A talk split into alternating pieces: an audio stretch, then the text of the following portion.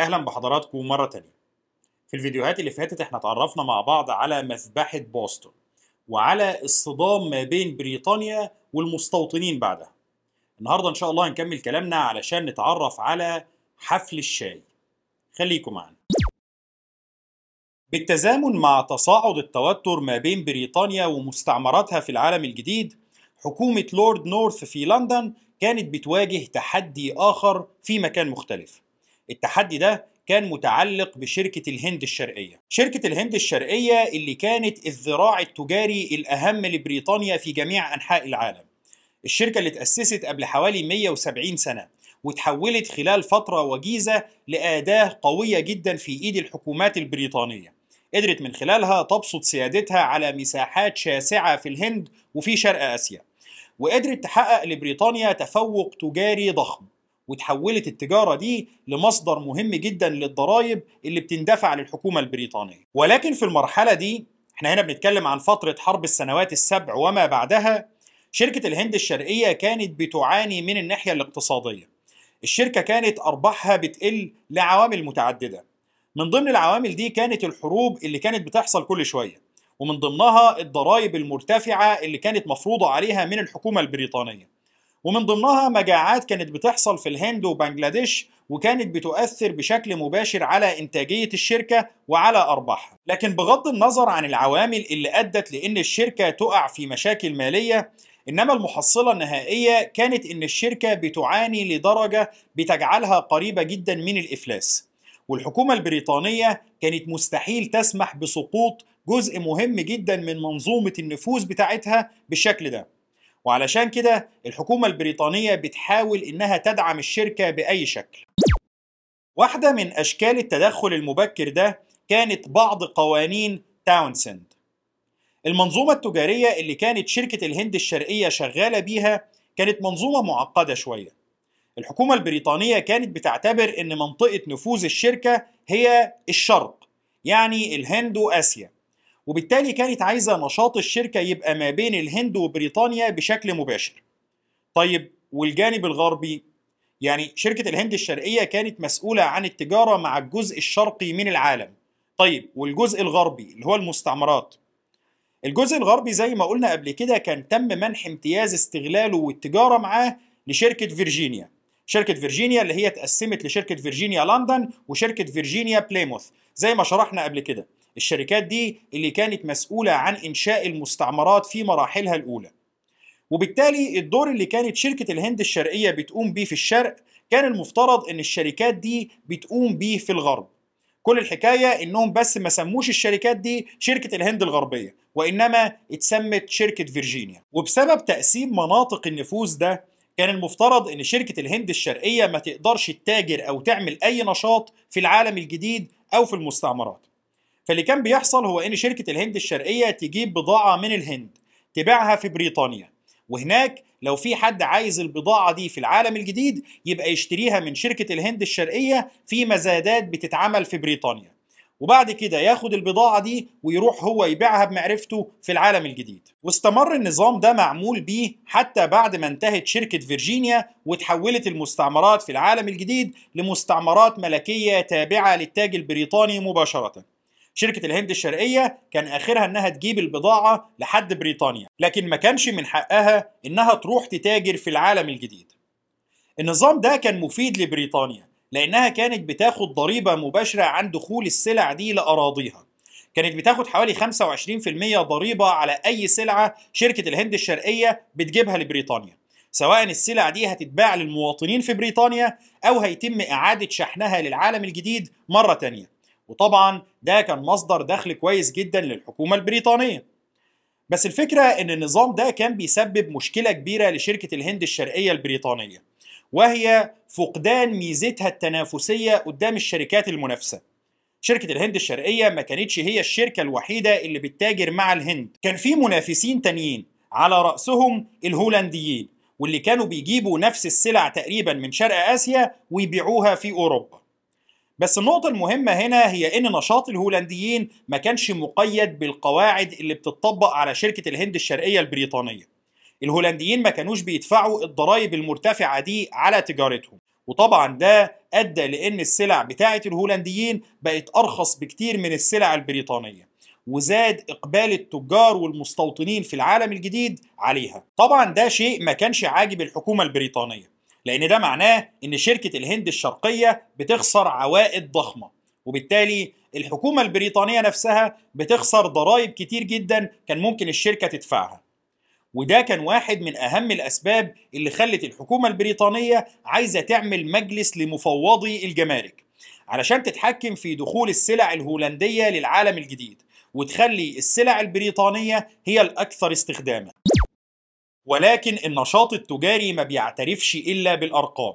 وبلغة المكسب والخسارة كانت التجارة مع الهولنديين أفضل للمستعمرات من التجارة مع بريطانيا. وعلشان كده استمرت التجارة معاهم في صورة عمليات تهريب بالرغم من كل القيود البريطانية. لو أخذنا سلعة زي الشاي مثلا واللي هو كان من أهم الواردات اللي بتيجي للمستعمرات هنلاقي إن دايما الشاي الإنجليزي اللي كانت بتجيبه شركة الهند الشرقية كان أغلى من الشاي الهولندي اللي بيجي متهرب. الفكرة برضو إن الشاي الإنجليزي طعمه كان أفضل ولكن فارق السعر كان لصالح الشاي الهولندي بسبب اللفة الطويلة اللي شركة الهند الشرقية البريطانية كانت مضطرة تلفها علشان توصل الشاي بتاعها للعالم الجديد. وعلشان كده كان في طلب عالي على النوعين اللي عايز شاي جودته كويسة بيجيب الشاي الإنجليزي. واللي عايز شاي سعره كويس بيجيب الشاي الهولندي. لما جه تاونسند يعمل القوانين بتاعته لقى إن فرض ضريبة إضافية على الشاي اللي هيروح المستعمرات هيخلي الإقبال عليه يقل جدا. يعني هي الفكرة إنه الشاي الإنجليزي أصلا غالي بسبب الضريبة. أروح أنا أفرض عليه ضريبة تانية فهنا تاونسند بيقول خلاص أنا عندي الحل. شركة الهند الشرقية هتدفع ضريبة عن الشاي اللي بيوصل بريطانيا عادي جدا زي ما بيعملوا طول عمرهم. والمستعمرات برضه هتدفع الضريبة على الشاي اللي هيروح لها. ولكن الحكومة البريطانية هتشوف كميات الشاي اللي هتتشحن للعالم الجديد من بريطانيا وهترجع لشركة الهند الشرقية الضريبة اللي اندفعت على كميات الشاي دي في بريطانيا.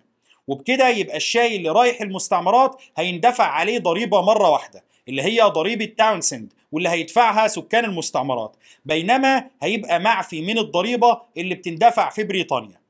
وبما إننا لغينا الضريبة اللي كانت بتندفع في بريطانيا واللي هي أصلا كانت ضريبة مرتفعة يبقى كده المنتج النهائي هيوصل للمستهلك في المستعمرات بسعر أرخص من اللي كان بيدفعه فيه قبل كده. وبكده طبقا لحسابات تاونسند المستهلك المفترض يبقى سعيد لأنه هيدفع أقل. وشركة الهند الشرقية برضو المفروض تبقى سعيدة لأنها كده هتقدر تبيع أكتر وتكسب أكتر أما الحكومة البريطانية فرغم إنها تخلت جزئيا عن ضريبة كانت بتدر عليها مكاسب كبيرة إلا إنه كان شايف إن دي تضحية بسيطة في مقابل إقرار حق الحكومة البريطانية في فرض ضرائب على سكان المستعمرات. الخطة بتاعه تاونسند كانت خطة مثالية على الورق وكانت هتسمح لتاونسند إنه يدعم شركة الهند الشرقية أثناء الأزمة المالية بتاعتها. ولكن اللي تاونسند ما كانش عامل حسابه هو حركة الاحتجاج الضخمة على القوانين واللي كان جانب مهم منها هو مقاطعة البضائع البريطانية اللي حصل هو إن الشاي الإنجليزي سعره قل ولكن المستوطنين بطلوا يشربوه بسبب ضريبة تاونسند وده خلى استهلاك الشاي الهولندي يزيد جدا وسبب خسائر كبيرة لشركة الهند الشرقية. طبعا زي ما شفنا في الفيديوهات الأخيرة مع وصول لورد نورث للسلطة بيحاول إن هو يحل الأزمة عن طريق إلغاء أغلب الضرائب المفروضة بموجب قوانين تاونسند وبالفعل ده بيحصل. ولكن لورد نورث بيقرر إن ضريبة الشاي تحديدا مش هتتلغي. شركة الهند الشرقية ما كانتش سعيدة بقرار إبقاء ضريبة الشاي.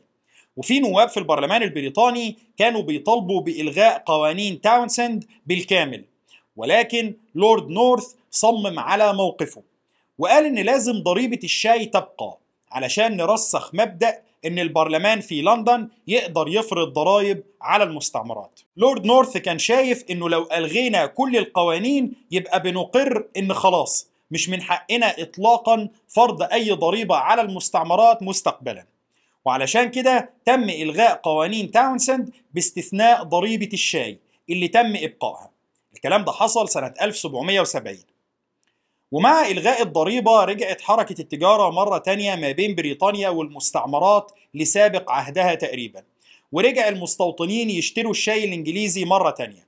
ولكن بعد سنتين سنة 1772 حكومة لورد نورث أخذت قرار غبي شوية. لورد نورث كان عايز يزود حصيلة الضرائب بأي شكل فبيقرر إنه يزود الضريبة على الشاي.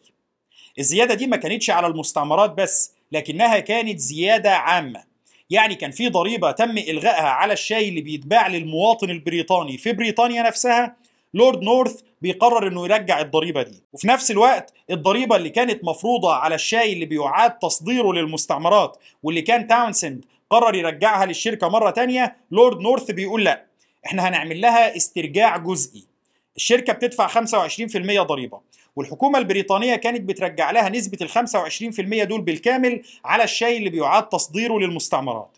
لورد نورث بيقول لا إحنا هنرجع 15% للشركة بس. يعني كده في 10% ضريبة هيعاد فرضها على الشاي اللي رايح المستعمرات. وطبعا ده كان معناه زيادة سعر الشاي البريطاني في المستعمرات بنسبة 10% تقريبا. ولكن الخطوة دي رغم إن المحصلة النهائية ليها كانت زيادة سعر الشاي الإنجليزي في المستعمرات إلا إنها ما عملتش استفزاز للمستوطنين.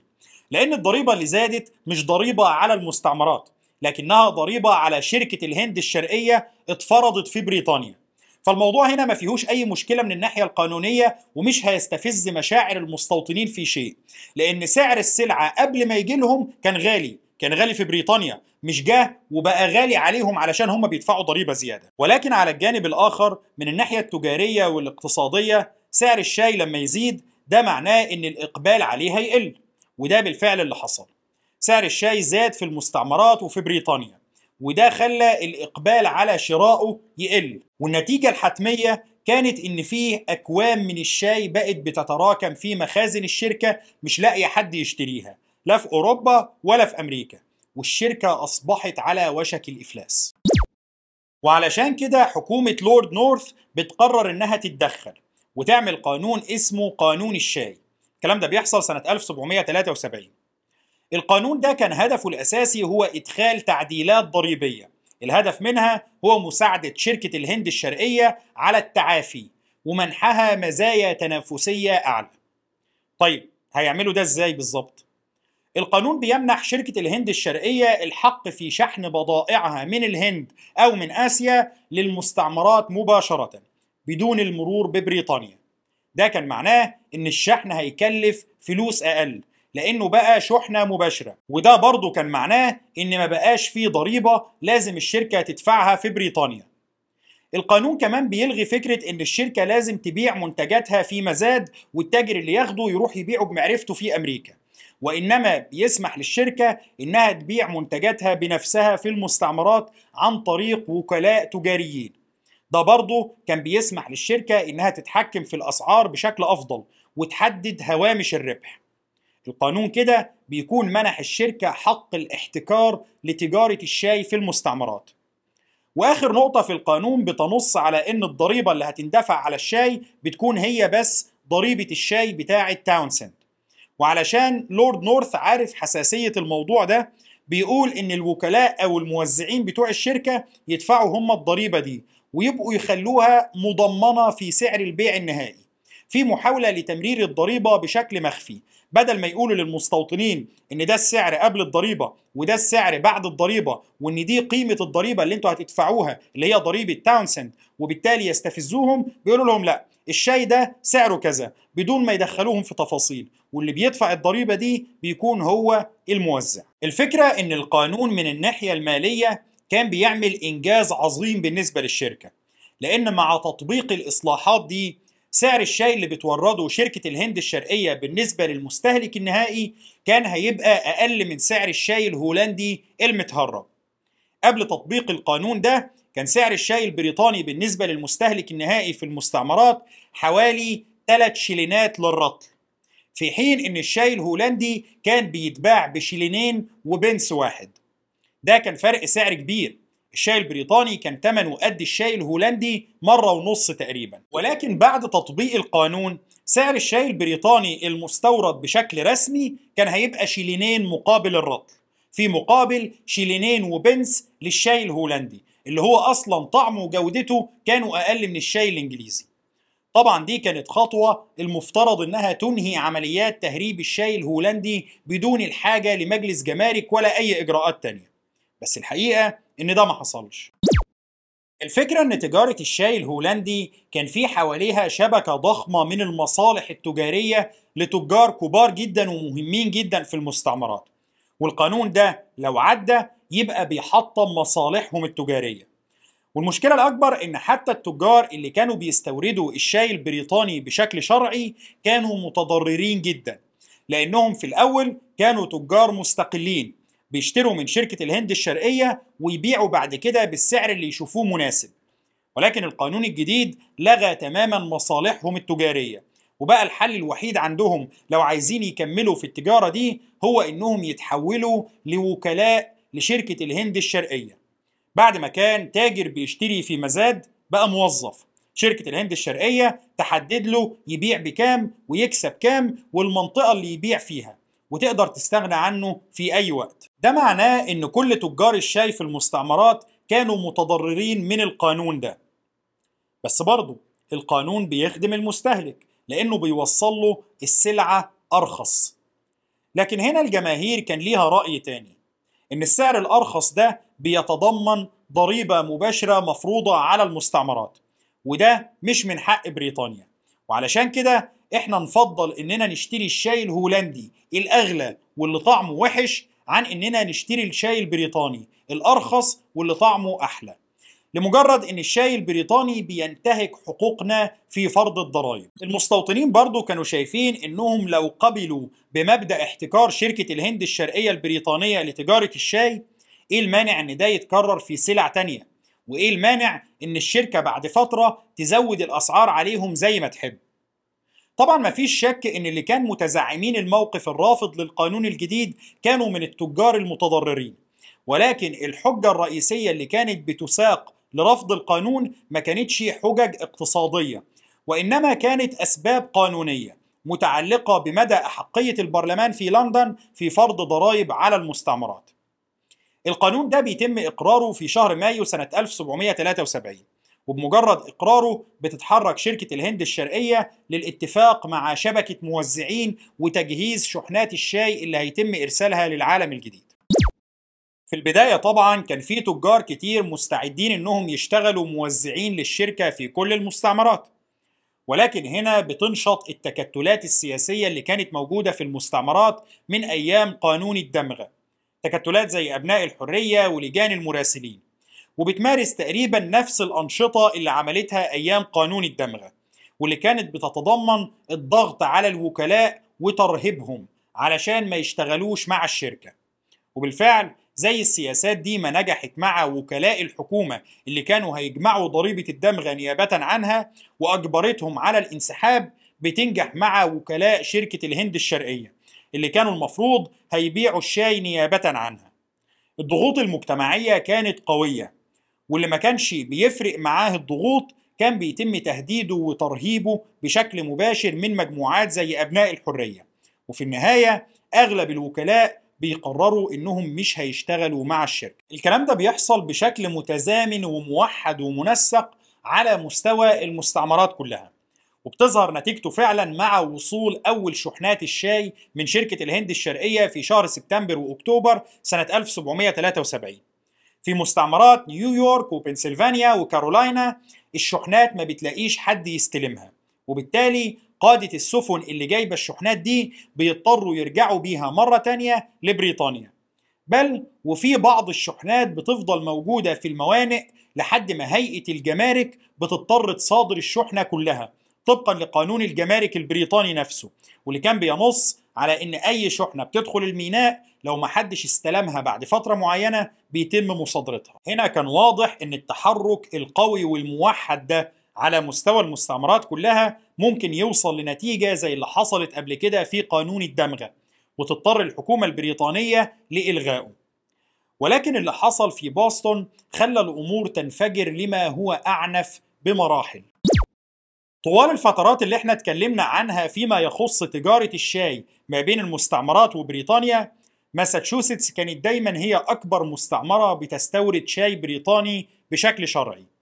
ماساتشوستس كانت مستعمرة غنية ومتحضرة وسكانها كانوا مستعدين يدفعوا أكتر في مقابل شاي جودته أعلى وبالتالي ما كانش فيه أزمة.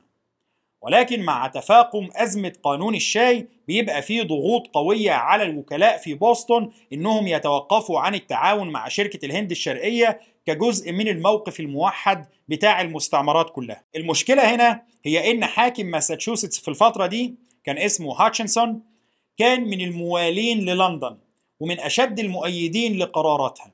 والأهم من ده هو إن اتنين من أبنائه كانوا سجلوا كوكلاء في تجارة الشاي لشركة الهند الشرقية. وبالتالي الراجل كانت قناعاته السياسية ومصالحه الشخصية الاتنين بيصبوا في خانة إن القانون ده لازم يتطبق. هاتشنسون بيقنع الوكلاء بتوع الشركة في بوسطن إنهم ما ينسحبوش. وبيطمنهم إن القانون هيتطبق والشاي هيتباع وهيلاقي مشترين لأن جودته عالية وسعره أرخص. وفي أواخر شهر نوفمبر سنة 1773 بتوصل سفينة بريطانية على متنها شحنة شاي لميناء بوسطن. ومع وصولها التكتلات السياسية واللي كان على رأسها مجموعات زي أبناء الحرية بتعقد اجتماع ضخم. الاجتماع ده بيحضره الآلاف من المستوطنين. وبيكون الشخصية الأهم في تنظيم وقيادة الاجتماع ده هو سامويل آدمز. الهدف من الاجتماع كان منع نزول الشحنة دي ومنع تسليمها للوكلاء. المجتمعين بيوجهوا في نهاية الاجتماع بتاعهم خطاب لقائد السفينة بيطالبوه بالرجوع بشحنته لبريطانيا. وبيقرروا إن هم يعينوا مجموعة من المستوطنين لمراقبة السفينة على مدار اليوم ومنعها من إفراغ شحنتها. طبعا لو حد حاول إن هو ينزل الشحنة بالقوة كان سهل إن يتجمع الآلاف مرة تانية علشان يمنعوهم بالقوة.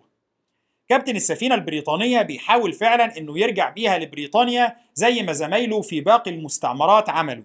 ولكن هنا حاكم المستعمرة بيرفض السماح للسفينة بمغادرة الميناء. المستوطنين بيفضلوا مصممين على موقفهم والحاكم بيفضل مصمم على موقفه. وبتفضل السفينة محتجزة في الميناء في انتظار أي حل. ولكن المشكلة بتتفاقم لما بتوصل سفينتين كمان وبيكون باقي يوم واحد على المهلة القانونية بتاعة الجمارك واللي بعدها هيتم مصادرة الشحنة كلها. وهنا بيحصل تجمع تاني لآلاف المستوطنين في اجتماع جديد في بوسطن علشان يشوفوا حل للمشكلة دي. وفي أثناء الاجتماع بتجيلهم أخبار إن الحاكم رفض للمرة الألف إنه يسمح للسفينة بالمغادرة. وصامويل آدمز بيقول لهم إن كده ما بقاش فيه أي حل منطقي يقدروا ياخدوه. فالناس بيتفرقوا في مجموعات ضخمة وكل مجموعة بتقرر إنها هتتصرف وفقا للي هم شايفينه. في نفس اليوم ده في مجموعة من المستوطنين عددهم بيتراوح ما بين 30 ل 130 مستوطن حسب اختلاف التقديرات. المجموعة دي بتتوجه للثلاث سفن اللي في الميناء. بعض المستوطنين دول بيلبسوا ملابس السكان الأصليين وتحديدا قبائل الموهك من ناحية على سبيل التنكر ومن ناحية تانية علشان يوصلوا رسالة إنهم أمريكيين وليسوا رعاية للتاج البريطاني. يمكن دي كانت نقطة غريبة شوية بالنسبة للمستوطنين اللي يوم ما فكروا يعبروا عن ارتباطهم بالأرض دي وانتمائهم لها اللي بيفوق أي انتماء آخر قرروا يعملوا ده عن طريق التظاهر بكونهم من السكان الأصليين. وكأنهم بيعترفوا لا شعوريا إن هم دول فعلا أصحاب الأرض وإن المستوطنين أو البريطانيين تحديدا دخلاء عليها. لكن على أي حال الحشد ده بيتوجه للميناء وهناك بيصعدوا على متن السفن وبيلقوا بكامل الحمولة بتاعة الثلاث سفن في البحر على مدار ثلاث ساعات. 342 صندوق ضخم بيحتووا على 92 ألف رطل من صناديق الشاي. بيتم التخلص منها بإلقائها في البحر بمجرد ده ما بيحصل بيبدأ قادة أبناء الحرية وبعض رموز المعارضة لبريطانيا في المستعمرات ناس زي صامويل آدمز مثلا يدافعوا عن الأحداث دي باعتبارها التصرف الوحيد المتبقي أمام سكان المستعمرات للدفاع عن حقوقهم الدستورية في مواجهة الظلم البريطاني. الحادثة دي في وقتها كانت بتتسمى حادثة تدمير الشاي. ولكن لاحقا ومع تصاعد أهميتها ورمزيتها في التاريخ الأمريكي زي ما هنشوف بيتم الاحتفاء بها جدا وبتتسمى حفلة شاي بوسطن. في نقطتين هنا لازم نتكلم عنهم على ذكر حفلة شاي بوسطن. النقطة الأولى هي إن الصراع ده ما بين المستعمرات وبريطانيا فيما يخص الشاي بيكون له تأثير تاني لاحقا وهو إنه مع استقلال المستعمرات عن بريطانيا وتكوين دولة الولايات المتحدة الأمريكية ولأن واحدة من أهم شرارات الاستقلال ده كانت حفل شاي بوسطن المزاج العام في الدولة الناشئة بيعتبر الشاي رمز لبريطانيا وهيمنتها. وبيحاول سكان الدولة الجديدة إنهم ينقوا بنفسهم عن شرب الشاي. ونتيجة لده بيتراجع الشاي بشدة وبتبدأ القهوة تنتشر في الدولة الجديدة. وبتتحول للمشروب الأهم في دولة الولايات المتحدة حاليا. القهوة لحد دلوقتي ده كانت مشروب بيتم استهلاكه على نطاق محدود جدا في أوروبا. كان بيتم استهلاكها على نطاق واسع في الدولة العثمانية والمنطقة العربية. بينما كان انتشارها محدود جدا في أوروبا اللي كانت بتفضل الشاي وبتبص للقهوة باعتبارها المشروب القادم من بلاد المسلمين أو المشروب التركي. ولكن مع تغير الوضع في المستعمرات بتتحول القهوة لمشروب مفضل في العالم الجديد وواحدة من أهم المشروبات في العالم كله. يمكن أثر ده لسه واضح لحد دلوقت في السخرية اللي دايما الأمريكان بيحاولوا يسخروها من تقاليد الإنجليز في شرب الشاي. النقطة الثانية هي إن المتابع للشأن السياسي الأمريكي حاليا هيلاحظ إن حفل شاي بوسطن بيتم استدعائه للمشهد بشكل متكرر من قبل مجموعات سياسية في أمريكا. أغلب المجموعات السياسية دي هم اليمين الأمريكي. في تيار متنامي من الجمهوريين في أمريكا بيسموا نفسهم حاليا حركة الشاي أو حزب الشاي في إشارة لحفل الشاي التاريخي الشهير. وفي محاولة لنقل الانطباع إن سياساتهم هي امتداد للسياسات اللي أدت لاستقلال أمريكا. طبعا حزب الشاي حتى الآن مش حزب مستقل لكنهم جزء مهم من الحزب الجمهوري أو من تيار اليمين بشكل أوسع. هي بس الفكرة إن الترجمة العربية بتسميهم حزب لأن كلمة حفلة في اللغة الإنجليزية هي نفس كلمة حزب. لكن أبسط دليل على شعبية حزب الشاي في أوساط الجمهوريين حاليا هو إن واحدة من رموزهم المهمين اللي هي سارة بيلين كانت مرشحة الحزب الجمهوري لمنصب نائب الرئيس في انتخابات 2008 على أي حال خلينا نرجع لحفل شاي بوسطن التاريخي. زي ما قلنا إن في بعض الرموز السياسية في المستعمرات حاولت تدافع عن اللي حصل وتوجد له الأعذار والمبررات. ولكن على الجانب الآخر من المحيط في لندن الوضع ما كانش كده خالص. الحكومة والبرلمان في لندن بيشوفوا اللي حصل ده اعتداء مباشر على سيادة بريطانيا. وحتى أشد المتعاطفين مع المستعمرات بيدين اللي حصل وبيشوفوا إنه خطأ فادح. لورد نورث نفسه بيقول تعليقا على اللي حصل إنه مهما كانت العواقب بريطانيا لازم تتحرك وحتى لو كانت هتخاطر بشيء ما. لأنهم لو ما عملوش كده يبقى الموضوع انتهى. طبعا كان في ناس من قادة المستعمرات مدركين لمدى فداحة اللي حصل. وحجم العواقب اللي ممكن تترتب عليه. وعلشان كده واحد زي بنجامين فرانكلين بيقول إنه شايف إن لازم المستعمرات تسدد ثمن الشحنة بالكامل لشركة الهند الشرقية. وبالفعل في أربعة من تجار المستعمرات بيروحوا يقابلوا لورد نورث وبيعرضوا عليه إنهم مستعدين يدفعوا ثمن الشحنة بالكامل كتعويض عن اللي حصل. ولكن لورد نورث بيرفض تماما. القصة دلوقت ما بقتش قصة فلوس. دي بقت قصة هيبة بريطانيا وسيطرتها على مستعمراتها. من سنة المستوطنين حرقوا سفينة حربية بريطانية والنهاردة دمروا شحنات تجارية. دي كده مستعمرات في حالة تمرد وعصيان. ولورد نورث كان مصمم إن اللي حصل ده ما يمرش بدون عقاب وكان مصمم إن ماساتشوستس تبقى عبرة لأي مستعمرة تانية تفكر في تحدي سلطة التاج البريطاني. الكلام ده بيحصل بالفعل لما بيتم فرض سلسلة من القوانين اللي بتعرف باسم القوانين التي لا تحتمل. إيه مضمون القوانين دي وإيه اللي هينتج عنها؟ ده اللي هنتعرف عليه في الفيديو اللي جاي إن شاء الله. شكرا لحضراتكم وإن شاء الله نكمل كلامنا الأسبوع اللي جاي.